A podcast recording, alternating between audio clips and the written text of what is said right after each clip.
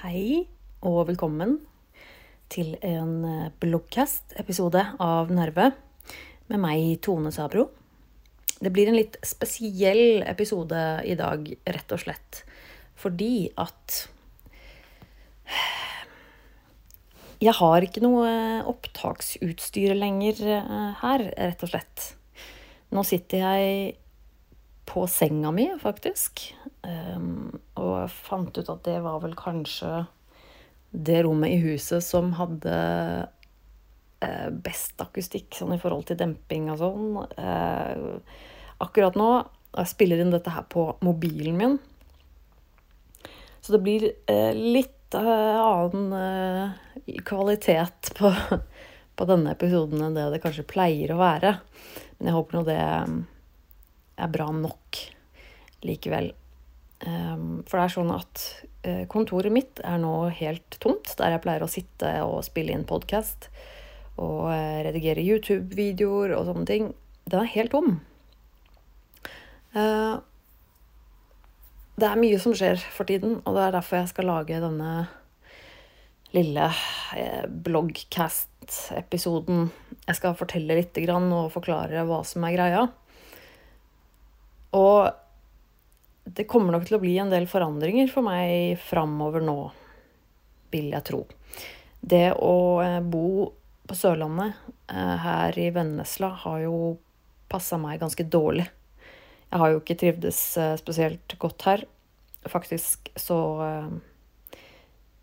tror jeg at min psykiske helse er blitt dårligere det siste året. Og det er jo ikke så rart med tanke på at jeg faktisk ikke har noe nettverk her. Jeg, jeg har ingen venner. Jeg har ikke noe familie her. Ehm, jeg har jo ehm, også heller ikke så lett for å få venner. Jeg har jo faktisk prøvd. Eh, og jeg har jo liksom blitt kjent med noen litt sånn ja, gjennom Tinder eller hva det skal være, liksom. Men, men det er jo ikke det samme. Det å, det å, skaffe seg venner i voksen alder er vanskelig, i hvert fall for en som en som meg, som er eh, veldig introvert og har litt sosialangst og er liksom kresen på folk. Jeg, jeg har ikke noe behov og, og liksom eh, Jeg orker ikke å liksom henge med hvem som helst. Uh, bruke tid på å bli kjent med, med, en person som viser seg å kanskje ikke være helt min type person. Nei, det greiene der det syns jeg er litt vanskelig, og det, det Sånn er det bare. Og, og, så savner jeg Oslo.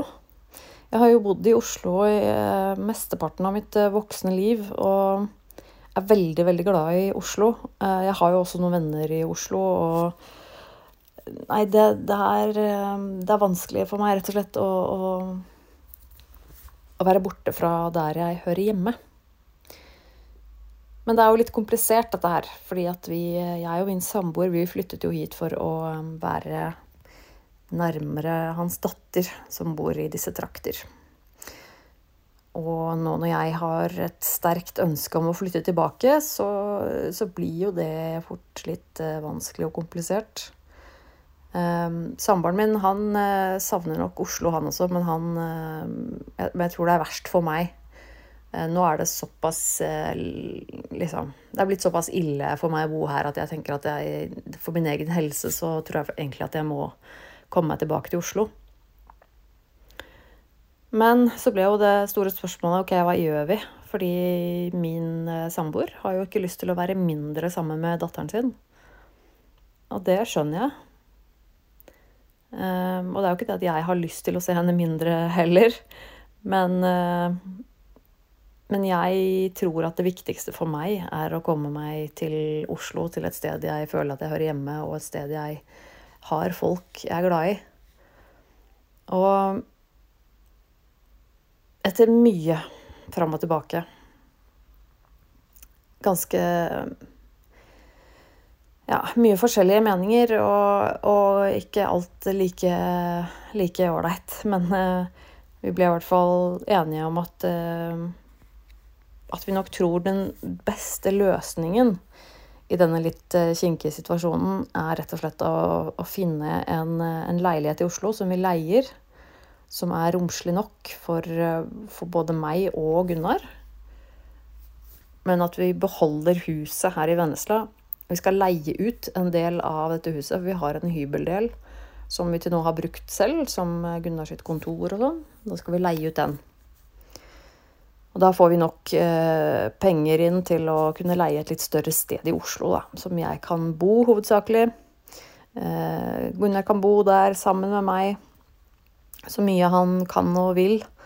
Um, men han vil jo da fortsatt på en måte bo her i huset også, og ha rommet til datteren sin her, og mulighet for å ha henne uh, her um, også framover. Um, og jeg kan jo selvfølgelig være med hit også, og er, vi eier jo huset sammen, så Så det blir jo litt sånn både her og der, litt sånn hva, ettersom hva som passer og sånn. Men det er klart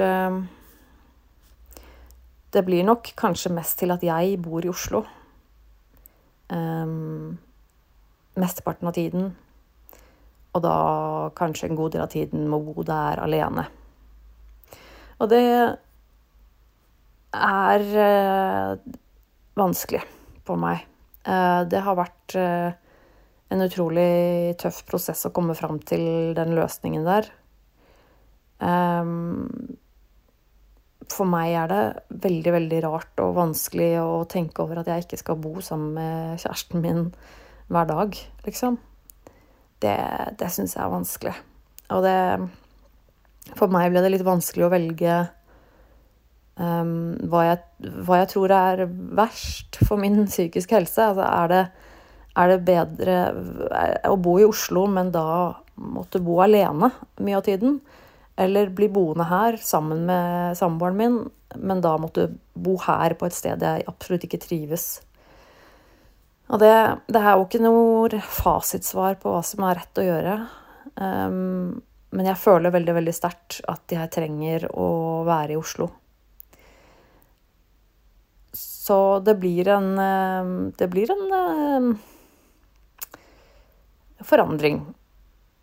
Og jeg har uh, tro det eller ei, aldri bodd alene. Jeg er 33 år gammel og har aldri bodd alene i hele mitt liv. Så det kan også bli litt vanskelig. Ikke fordi at jeg ikke er i stand til det. Jeg vet, jeg vet hvordan jeg klarer meg og, og alt det der, altså, men Men jeg er ikke en person som trives veldig godt i mitt eget selskap. Så det å det å bo alene og være mye for meg selv, det, det kan bli vanskelig for meg. Um, så, men, men, igjen, det kan jo være en god ting å øve på. Så kanskje jeg Det hadde jo vært veldig deilig om jeg faktisk nøt mitt eget selskap til slutt. Det hadde jo vært uh, hyggelig. um, men vi får se eh, hvordan det går. Vi driver jo og ser etter leilighet nå i Oslo og leie. Ehm, det er, eh, det er jo en kjempestressende prosess. Det vet jo alle som noen gang har flytta. Men det er noe med at vi må gjøre ting i litt riktig rekkefølge. Vi må få en leietager eh, her til leiligheten, så vi får inn pengene der. Og så må vi finne en leilighet i Oslo som eh, ikke vi må flytte inn i med en gang, for vi har ikke noe mulighet til å flytte inn der med en gang. Ehm, så det går gjerne veldig fort eh, med sånne leiligheter. Når man først liksom legger den ut, eh, og så er det visning, og så blir den utleid. Og vi, det er ikke så lett for oss å komme på visning og sånne ting når vi ikke bor i Oslo. Så det her er rett og slett et lite helvete. Ehm, og jeg merker at det gjør meg veldig, veldig stressa og full av angst. Og det er noe som surrer og, og går i, i, bakhodet mitt hele tiden og gjør at jeg, jeg syns det er vanskelig å slappe av. Um, hele denne situasjonen. Jeg syns det er veldig vanskelig. Uh, og det, det, er jo ikke så rart, selvfølgelig. Uh, men det er bare veldig, veldig frustrerende. Uh, til og med nå i helgen så har vi vært på besøk hos mine svigerforeldre i Sirdal. Og det er et sted jeg vanligvis Jeg syns det er utrolig hyggelig å dra dit. Jeg koser meg veldig når jeg er der. Der er det Eh, det blir litt den samme følelsen som å dra på hytta for min del. For der er det på en måte Det er ikke noe mas der. Det er veldig sånn idyllisk og rolige omgivelser og veldig koselig. Eh, svigerforeldrene mine er kjempekoselige. Eh, det er ikke noe mas der. Vi kan gjøre litt som vi vil, og vi trenger ikke å gjøre så mye. Og, og det, det, er litt som en, en litt sånn frifølelse for meg å være der. Det er veldig hyggelig. Til og med denne helgen her nå, når vi var der, så klarte jeg ikke helt å slappe av sånn som jeg pleier. For det, det var mye med dette leilighet-greiene og stresset som, som, fulgte etter meg dit. Så det er mye av det. Og da, for å kunne leie ut underetasjen her, altså denne hybelleiligheten i huset her, da, så må vi jo må vi jo uh, flytte ut av den delen. For den har vi jo faktisk brukt uh, her. Og nå, da blir jo Det blir jo fort litt komplisert når man uh, er vant til å ha en viss, en viss mengde plass, og så plutselig så skal man nesten halvere den plassen. Da må man planlegge litt, og da blir fort Ja, det, det, er ikke bare lett, altså. For da det er viktigere for Gunnar å ha et kontor enn det det er for meg. Og da blir han eh, prioritert til å få det kontoret som er her oppe, og det er jo det kontoret jeg har brukt, så nå har jeg pakket ned um, alt utstyr. Um, min, min, iMac og min uh, mikrofon til podkast og alt utstyr er nå pakket ned og gjort klart for at Gunnar nå skal kunne flytte opp sitt kontor og gjøre det ledig nede til en leieboer. Og det betyr jo at jeg heller ikke kommer til å ha mulighet til å bruke det utstyret til jeg finner en ny leilighet. Og det er jo Det er litt, uh, litt rart. Litt uh, et, Det er jo litt dumt, selvfølgelig. Nå er det jo ikke sånn at jeg har eh, overskudd til å jobbe, sitte der og jobbe med video eller podkast og sånn hele tiden. Dessverre så orker jeg ikke å gjøre det så mye som jeg gjerne skulle ønske. Men nå har jeg ikke muligheten engang. Nå er det litt sånn som Ja, så jeg her nå sitter i, i senga mi og, og, spiller inn en podkast-episode på mobilen min. Og det er litt sånn det må bli hvis jeg skal lage noe. Fram til vi finner en leilighet og jeg kommer meg inn der og eventuelt får rigget det opp på nytt Eh, der, så er det ikke så veldig mye mye andre måter jeg får gjort det på. Um, og det Jeg snakket litt om dette her også i eh, jeg gjorde en, Før jeg pakket ned utstyret mitt der inne på kontoret, så hadde jeg en livestream faktisk på YouTube-kanalen min.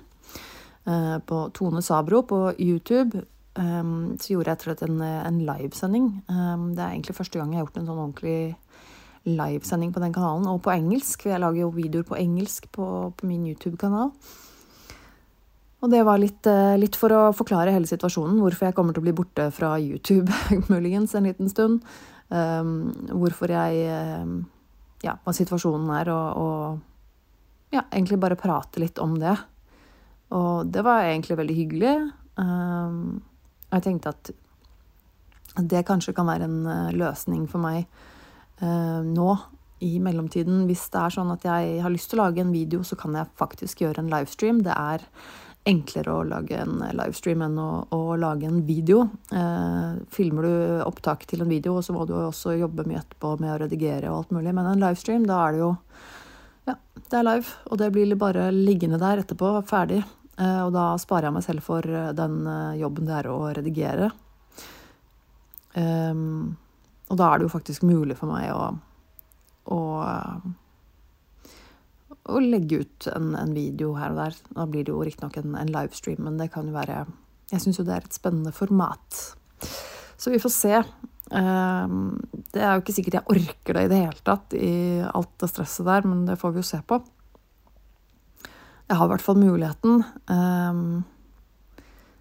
Eh, det blir jo riktignok da en livestream med, med liksom hvor jeg filmer med mobilen eller et eller annet sånt noe, men altså Ja, jeg må bare være litt sånn kreativ på løsninger og se, se hva som går an, rett og slett, framover nå. Men det er eh, det var på en måte litt derfor jeg lager eh, denne episoden også i dag, til deg her på Nerve. Fordi det betyr jo også at jeg ikke kommer til å ha noe annen mulighet enn til å lage nerveepisoder annet enn det jeg gjør nå. Sitte på en seng og spille med, med, med mobilen. Um, det blir altså ikke noe ordinær liksom, episode av Nerve på en liten stund framover. Um, men det er jo mulig at jeg gjør sånn som dette. At jeg lager noen bloggcast-episoder. Det er jo veldig enkelt for meg å gjøre det. Um, men jeg har jo et lite håp om at jeg skal orke å få til det oppi all stresset. Um, og kanskje ja, få, få, laget noe innhold til, til, dere likevel. Det er um, det er vanskelig å, å, å spå. Um, og jeg syns jo i utgangspunktet det er vanskelig å, å være i en sånn innmari uforutsigbar situasjon hvor jeg ikke vet hva som skjer, og når det skjer. Jeg vet ikke hvor jeg havner, hvor jeg skal bo hen, og når jeg får flytte inn der, og når Jeg vet ikke når noen ting skjer, og hva som skjer. Og det, det, er, det gjør meg veldig stressa. Jeg er jo utrolig kontrollfrik. Så det å ikke ha kontroll på en situasjon, det er eh, Det gir meg sterkt ubehag. Eh, men jeg får ikke gjort så mye med det. Det er liksom bare sånn det er akkurat nå. Og vi, vi må, jeg må bare håpe på det beste, og håpe at det løser seg på en god måte. Prøve å ta igjen ting av gangen. Det er det eneste jeg tenker at jeg kan gjøre. Jeg må liksom prøve å ikke ta til meg alle liksom, forandringer som skjer på en gang i hodet, og bare tenke at uh, Og stresse over det ene og det andre og det tredje og fjerde. Og må bare tenke OK, ta en ting av gangen. Det første som skjer, er at vi, at vi må flytte ut av den hybeldelen nede. Det er liksom OK, ta det først. Det har jeg nå begynt på. Vi har begynt å rydde og flytte ut ting og, og sånne ting. og Um, og så etter det så må vi finne en leieboer. Det Det Jeg prøver å holde meg til det og, og tenke at jeg skal ta én ting av gangen. Nå er det også Nå er det jo det som skjer, det er jo nok det. Men i tillegg så har jeg jo da fått beskjed fra Nav om at um, min periode med arbeidsavklaringspenger er jo nå snart gått ut. Um, og det er jo jævlig stress, selvfølgelig.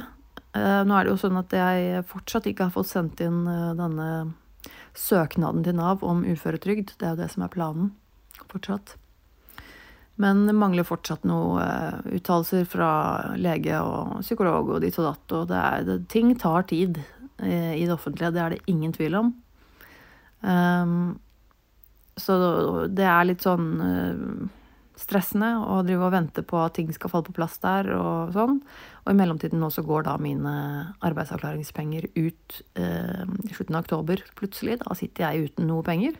Så da må jeg søke på nytt og håpe at de forlenger det. Selv om jeg egentlig i utgangspunktet ikke har noe krav på det, men at de eh, kanskje sier at det går greit, siden jeg skal bare ha det fram til søknaden min om uføretrygd er behandlet osv. Så, videre. så får vi håpe det og bare krysse fingrene, for ellers så er jeg ganske fucked, altså. Um, nå har jeg i hvert fall søkt på nytt, og så må jeg bare vente uh, og se hva som skjer med det. Det er ikke noe mer jeg får gjort med, med det for øyeblikket. Men jeg må jo også, etter at den søknaden om uføretrygd er sendt inn, så må jeg også vente på at den blir behandlet, og det også kan ta mange måneder. Så mest sannsynlig kommer jeg nok ikke til å registrere noe adresseendring til Oslo før den er ferdig behandla. Um, men vi får jo se. Det kan godt hende at jeg flytter til Oslo, men at jeg ikke registrerer adresseendring før det. Vi får jo se. Det som gjør meg også litt fortvila nå, er jo at uh, jeg må bytte psykolog. Igjen. Og det merker jeg at det gjør meg uh, Det gjør meg lei meg og fortvila, egentlig. Jeg har jo gått til psykolog eh, en god stund nå. Dette er jo han som jeg går til nå her i Vennesla. Det er min fjerde psykolog. Um, før det så har jeg har jeg hatt tre andre psykologer hos DPS i Oslo. Første psykologen funka for så vidt ganske bra. Og de to neste etter det funka ikke spesielt bra. Det var ikke noe match i det hele tatt veldig frustrerende. Og jeg ga jo opp til slutt å, gå dit, og bestemte meg for at nei, orker jeg ikke mer. Og så gikk jo ikke det så fryktelig bra å gå så lang tid da uten noen behandling. Så fikk jeg heldigvis en psykolog her nå i Vennesla, og han er jo kjempebra. Jeg har nå Nå føler jeg at jeg er kommet til en psykolog som jeg stoler på, og som jeg har en, en god kjemi med. Og det er en utrolig fin følelse. Det er veldig eh, Det er veldig godt å ha den tryggheten, da. At jeg, har, at jeg, føler at jeg har en person der som er profesjonell, som, som, ønsker å hjelpe meg, og som jeg føler at jeg kan snakke med. Og det er da også litt sånn hjerteknusende for meg at jeg nå igjen er nødt til å på et tidspunkt snart slutte hos han.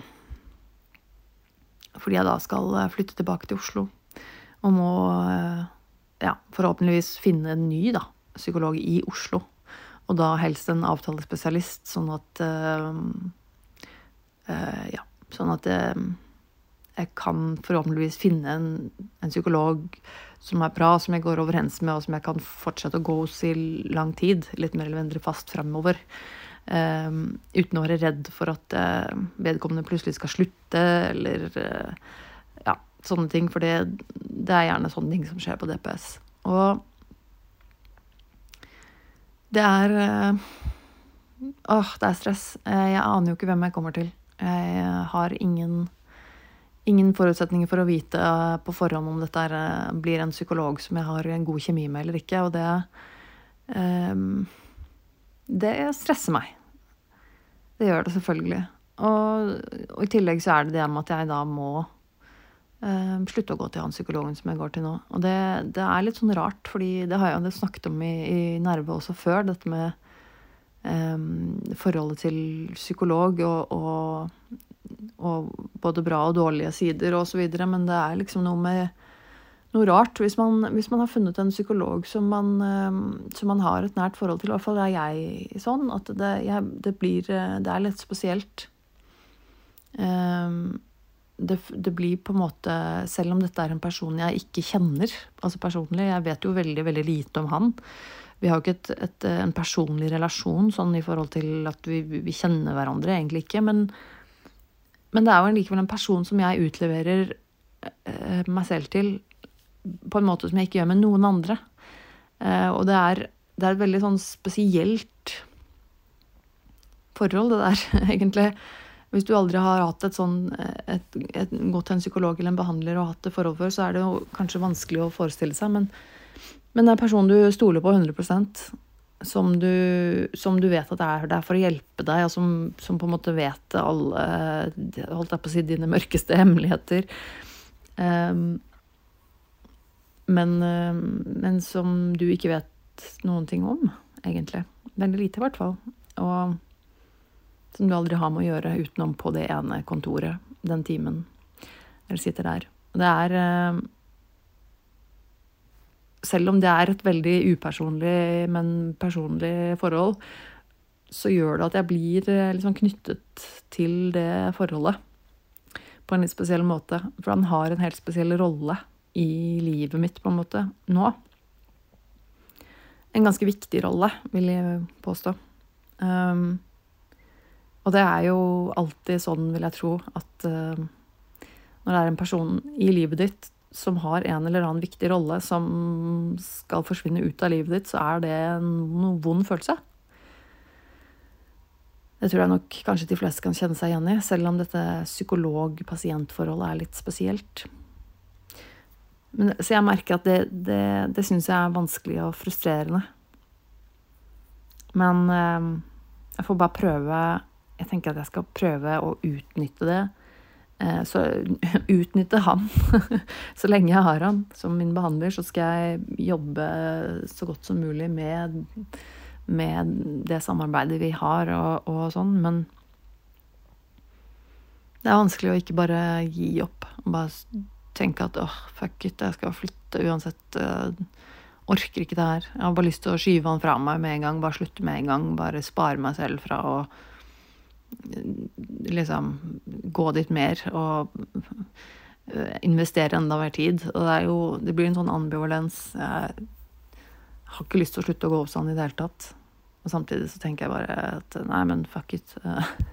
Får bare slutte med en gang, da. Um, nei, det, det, er vanskelig. Det er litt sånn tricky, rett og slett. Um, og i hvert fall når det er så mye andre ting også som skjer på en gang. Når det er um, Ja, mye greier. Det er, det er jo sånn at uh, det er vanskelig for de fleste.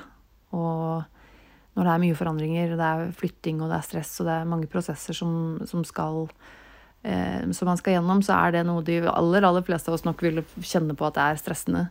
Og så er det bare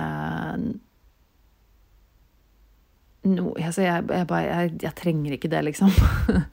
jeg, vil ikke ha det også. Jeg har nok med meg sjøl. Jeg har liksom nok med det føles jo sånn at jeg, har nok med meg selv, jeg. Med alt det jeg sliter med oppi hodet mitt, som foregår oppi der. Og så nå skal jeg i tillegg også deale med alt som skjer rundt meg, helt sånn konkret og fysisk. Det er Åh. Det er krasj. Men, men. Sånn er det nå, i hvert fall. Uh, og det er uh, Det var derfor jeg skulle spille inn dette. Få lettet litt på det trykket, forklart litt situasjonen og uh, forhåpentligvis så, så kan det jo godt hende at jeg gjør sånn som dette um, en gang til. Um, flere ganger. Jeg spiller inn noe enkelt, en liten bloggcast, og legger ut. Og gjerne kom med tilbakemeldinger til meg om, om, det.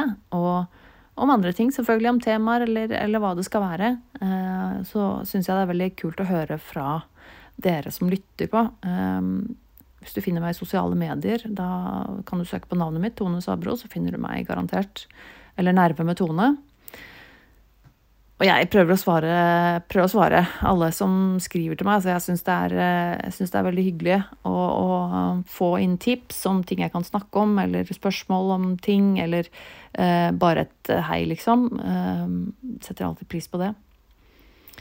Og før jeg eh, avslutter, så skal jeg eh, komme med en liten anbefaling. Jeg har eh, nå det siste, sammen med min samboer, så har vi sett en uh, serie på Netflix som jeg selvfølgelig ikke kunne unngå å se. Uh, som heter uh, Hva heter den? Heter um, et eller annet med monster, i hvert fall om Jeffrey Dahmer. Seriemorderen Jeffrey Dahmer. Og Jeg er jo veldig litt sånn over middels interessert i seriemordere og den type litt sånn morbide ting. Eh, er det jo ingen tvil om. Um, og Jeffrey Dahmer har jo alltid vært en av eh, dette i liksom Ja, ta Vet dette høres litt, litt, spesielt ut, men han er jo en av mine favorittseriemordere, hvis det er lov å, å liksom si det sånn, da. En, en, en, mann og en, en, sak som har fascinert meg veldig. Uh, uh, og, og han, så jeg tror jeg har sett det meste faktisk, av liksom filmer, dokumentarting som er laget uh, om han. Uh, jeg så den uh, Det ble jo laget for når var det, et par år siden? Fjor? par år siden. en sånn dramatisering var det også på Netflix eller noe sånt, som heter My Friend Dahmer, tror jeg den het. Som da var en slags dramatisering av hans eh, oppvekst, da. Altså hans uh, første år på, på, skole og barneskole og sånn. Eh, om barndommen hans. Eh, den syns jeg var helt ok. Eh, jeg eh, Så kom jo denne nå. Denne serien på Netflix, som er også en dramatisering av av ja, store deler av livet hans, egentlig. Om eh, hva som har skjedd, og, og um, menneskene han myrdet, og litt om deres familie og perspektiv. Og um, egentlig forteller om historien til Jeffrey Dahmer. Nå har vi sett alle bortsett fra siste episode. Uh, og jeg, jeg, gikk inn i det jeg var litt skeptisk, egentlig. For at jeg jeg, jeg, vet ganske mye om denne saken. Dette er en sak som, eh, som, har opptatt meg, som jeg har vært veldig fascinert av. Jeg har lest veldig mye om han, om den saken der, og, eh, og har sett alt mulig rart. Altså jeg, så jeg vet ganske mye om den saken. Og da blir jeg jo alltid litt sånn skeptisk i forhold til hvordan de portretterer eh, han, men også på en måte familien og hendelsene. og Eh, og ofrene og alt Altså i det hele tatt. Eh, så jeg blir alltid litt sånn skeptisk. Um, og så har man jo en tendens til uh, å Når det er snakk om um, mordere, for, folk som gjør grusomme ting, har jo en tendens til å bli fremstilt som monstre. Noe jeg ikke er for i det hele tatt. Jeg syns det å umenneskeliggjøre mennesker på den måten er galt. Eh, og det gjør heller ikke oss noen tjenester. Jeg tror at hvis vi skal eh, hvis vi skal komme noen vei med å, lære noe om disse menneskene, de, de menneskene som, som, ender med å gjøre ting som de fleste av oss aldri ville gjort Hvis vi skal lære noe om dem og hvorfor det skjer, så tror jeg vi er nødt til å innse at dette her er mennesker, det er ikke monstre. Dette er mennesker som er eh, faktisk likere deg og meg enn det vi kanskje liker å tro. Og vi er nødt til å uh, tørre å gå inn i det og se på det med empati og nysgjerrighet for å kunne egentlig lære noe av det. Og derfor er jeg veldig imot den der fremstillingen om at alle, alle kriminelle og folk som uh, gjør sånne grusomme handlinger, er liksom bare monstre. Og nei, uff, det er noe Altså, det er litt sånn Det blir feil for meg. Uh, pluss at jeg har veldig mye sympati for Jeffrey Dahmer. Um, den saken skiller seg litt ut fra mange, mange andre av egentlig de fleste, eller om ikke alle, sånne seriemordersaker som jeg vet om, fordi um, han for meg er en veldig trist skjebne. Um, en mann som nok kunne vært hjulpet, og kanskje Og jeg tror at hvis han hadde hvis han hadde fått noe Hvis han hadde blitt sett, så tror jeg at det kanskje kunne vært unngått veldig, veldig, veldig mange av de drapene. Og det er også at han eh, At han ikke egentlig hadde et ønske om å drepe noen. Han, um, han var syk og hadde det utrolig vanskelig med seg selv. Det, det gjør at uh, at jeg, at jeg, får en sånn veldig empati for hele, hele, han og saken. Og det er selvfølgelig på ingen måte noen unnskyldning eller, eller Altså, det han gjorde, er uansett galt, men, men en veldig, veldig fascinerende uh, historie. Og uh, jeg må si at den serien har positivt overrasket meg uh, hittil. Nå som sagt har jeg sett ni av ti episoder. jeg syns de de eh, har med mange eh, av hendelsene i livet hans. Altså det, er, det, det er mye som er med. Um, og, er, og, de har um, De har klart å å, um, å spille det ut veldig realistisk uh, og veldig sånn tett opp til det som Eh, vi vet at skjedde, ut fra forklaringer fra både Jeffrey Dahmer selv, men også vitner og, og, og, sånne ting. Eh, så de har, de har, på en måte fulgt historien ganske tett. På en veldig sånn ålreit måte, egentlig. Så, så det, og så syns jeg de snakker Eller altså Jeg syns de portretterer Jeffrey Dahmer ganske bra. Um, de er i hvert fall ganske flinke til å få han til å fremstå som et, eh, et, et menneske med følelser. Eh, han er nok kanskje Selvfølgelig blir han vel fremstått kanskje litt mer som et uh, ondt monster enn en, uh, uh, Ja, jeg skulle kanskje ønske at det, mer av hans personlige problemer og, og sykdom, på en måte. Altså han, at det kom fram bedre, hvor, hvor, mye han slet med seg selv. Men, men det kommer faktisk ganske bra fram. Og jeg syns også de har eh, At de portretterer også eh, liksom, ofrene og en del av deres historie og liv og, og, på en måte sånne ting også på en verdig og fin måte. Så man kan på en måte bli litt kjent med Kjent med hvem de var også. Um, og så er det tatt med uh, Ja, den er bra, altså. Uh, og jeg vil si at hvis du er litt nysgjerrig på Jeffrey Dahmer og, og hva som skjedde, så um, så kan du nok trygt se den serien og tenke at Og, og vite at at det, det, er, det, er, det er nærme sannheten, det som blir, det som blir presentert i den serien. De har fulgt de har, de har, gjort research, for å si det sånn. Det, det syns jeg er litt, det er litt kult å se. Men så, ja. Sjekk ut den serien om Jeffrey Dahmer, den nye som går på Netflix nå. Den vil jeg absolutt anbefale. Eneste jeg En ting jeg ikke skjønner, er Jeg merket at, at jeg Jeg, jeg syns jo han, han, skuespilleren som spiller Jeffrey Dahmer i serien um, han, er veldig, han er veldig god. Han, han liker jeg veldig godt. Um, hva er det han heter for noe igjen? Uh, han har jo vært med i uh, nesten alle sesongene av uh, um, American Horror Story og sånn. Um, uh, han heter et eller annet Peters um, Åh, så irriterende. Ja, nå finner jeg ikke det, selvfølgelig. Hadde det i stad, men sånn er det. Uh, jeg skal finne det! nå blir jeg veldig irritert. Evan Peters heter han. Evan Peters. Han, han er veldig bra uh, og veldig flink. Han ligner også ganske mye. Han har um, Gjør en bra fremstilling. Jeg skulle ønske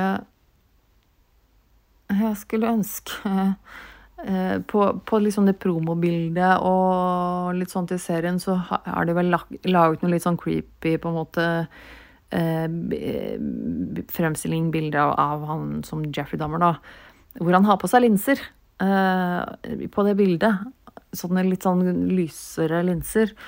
Og så ble jeg litt, eh, litt irritert for at han ikke da har lyse linser på seg i hele serien. Fordi at Jeffrey Dahmer hadde jo blå øyne, og Evan Peters har brune øyne. Så når han, på det bildet liksom, der hvor han liksom, har på seg de der linsene, så ligner han jo enda mer på Jeffrey Dahmer. Så jeg ble sånn Hvorfor kunne de ikke bare ha på han linser hele tiden i serien? For da hadde han jo på en måte bare lignet enda mer, pluss at han ser enda litt mer creepy ut. Men, uh, men ja. Um, men sjekk ut den. Uh, nå skal jeg slutte å bable. Og så så vet jeg ikke helt når vi høres igjen, altså. Neste gang. Um, men jeg vil veldig gjerne høre fra deg. Om du har uh, tips, tilbakemeldinger, hva som helst. Uh, ellers så setter jeg veldig stor pris på uh, de som gidder å gå innom YouTube-kanalen min. sjekke ut livestreamen der som ligger der. Eller kanskje noen andre av videoene mine. det hjelper jo litt. Det er gratis for deg som ser på, men for meg så støtter det, støtter det meg med noen få kroner. så det, det, setter jeg pris på at, at folk gjør. men ja. Eh, jeg skal prøve å få slengt denne lille bloggcast-episoden ut nå så fort som mulig. Og så er det sånn livet er, rett og slett. Så, men eh, takk for at du hørte på. Og så, eh, ja. Rett og slett. Det var det. Ha det. Har du et enkeltpersonforetak eller en liten bedrift? Da er du sikkert lei av å høre meg snakke om hvor enkelt det er med kvitteringer og bilag i fiken, så vi eh, gir oss her, vi. Fordi vi liker enkelt. Fiken superenkelt regnskap.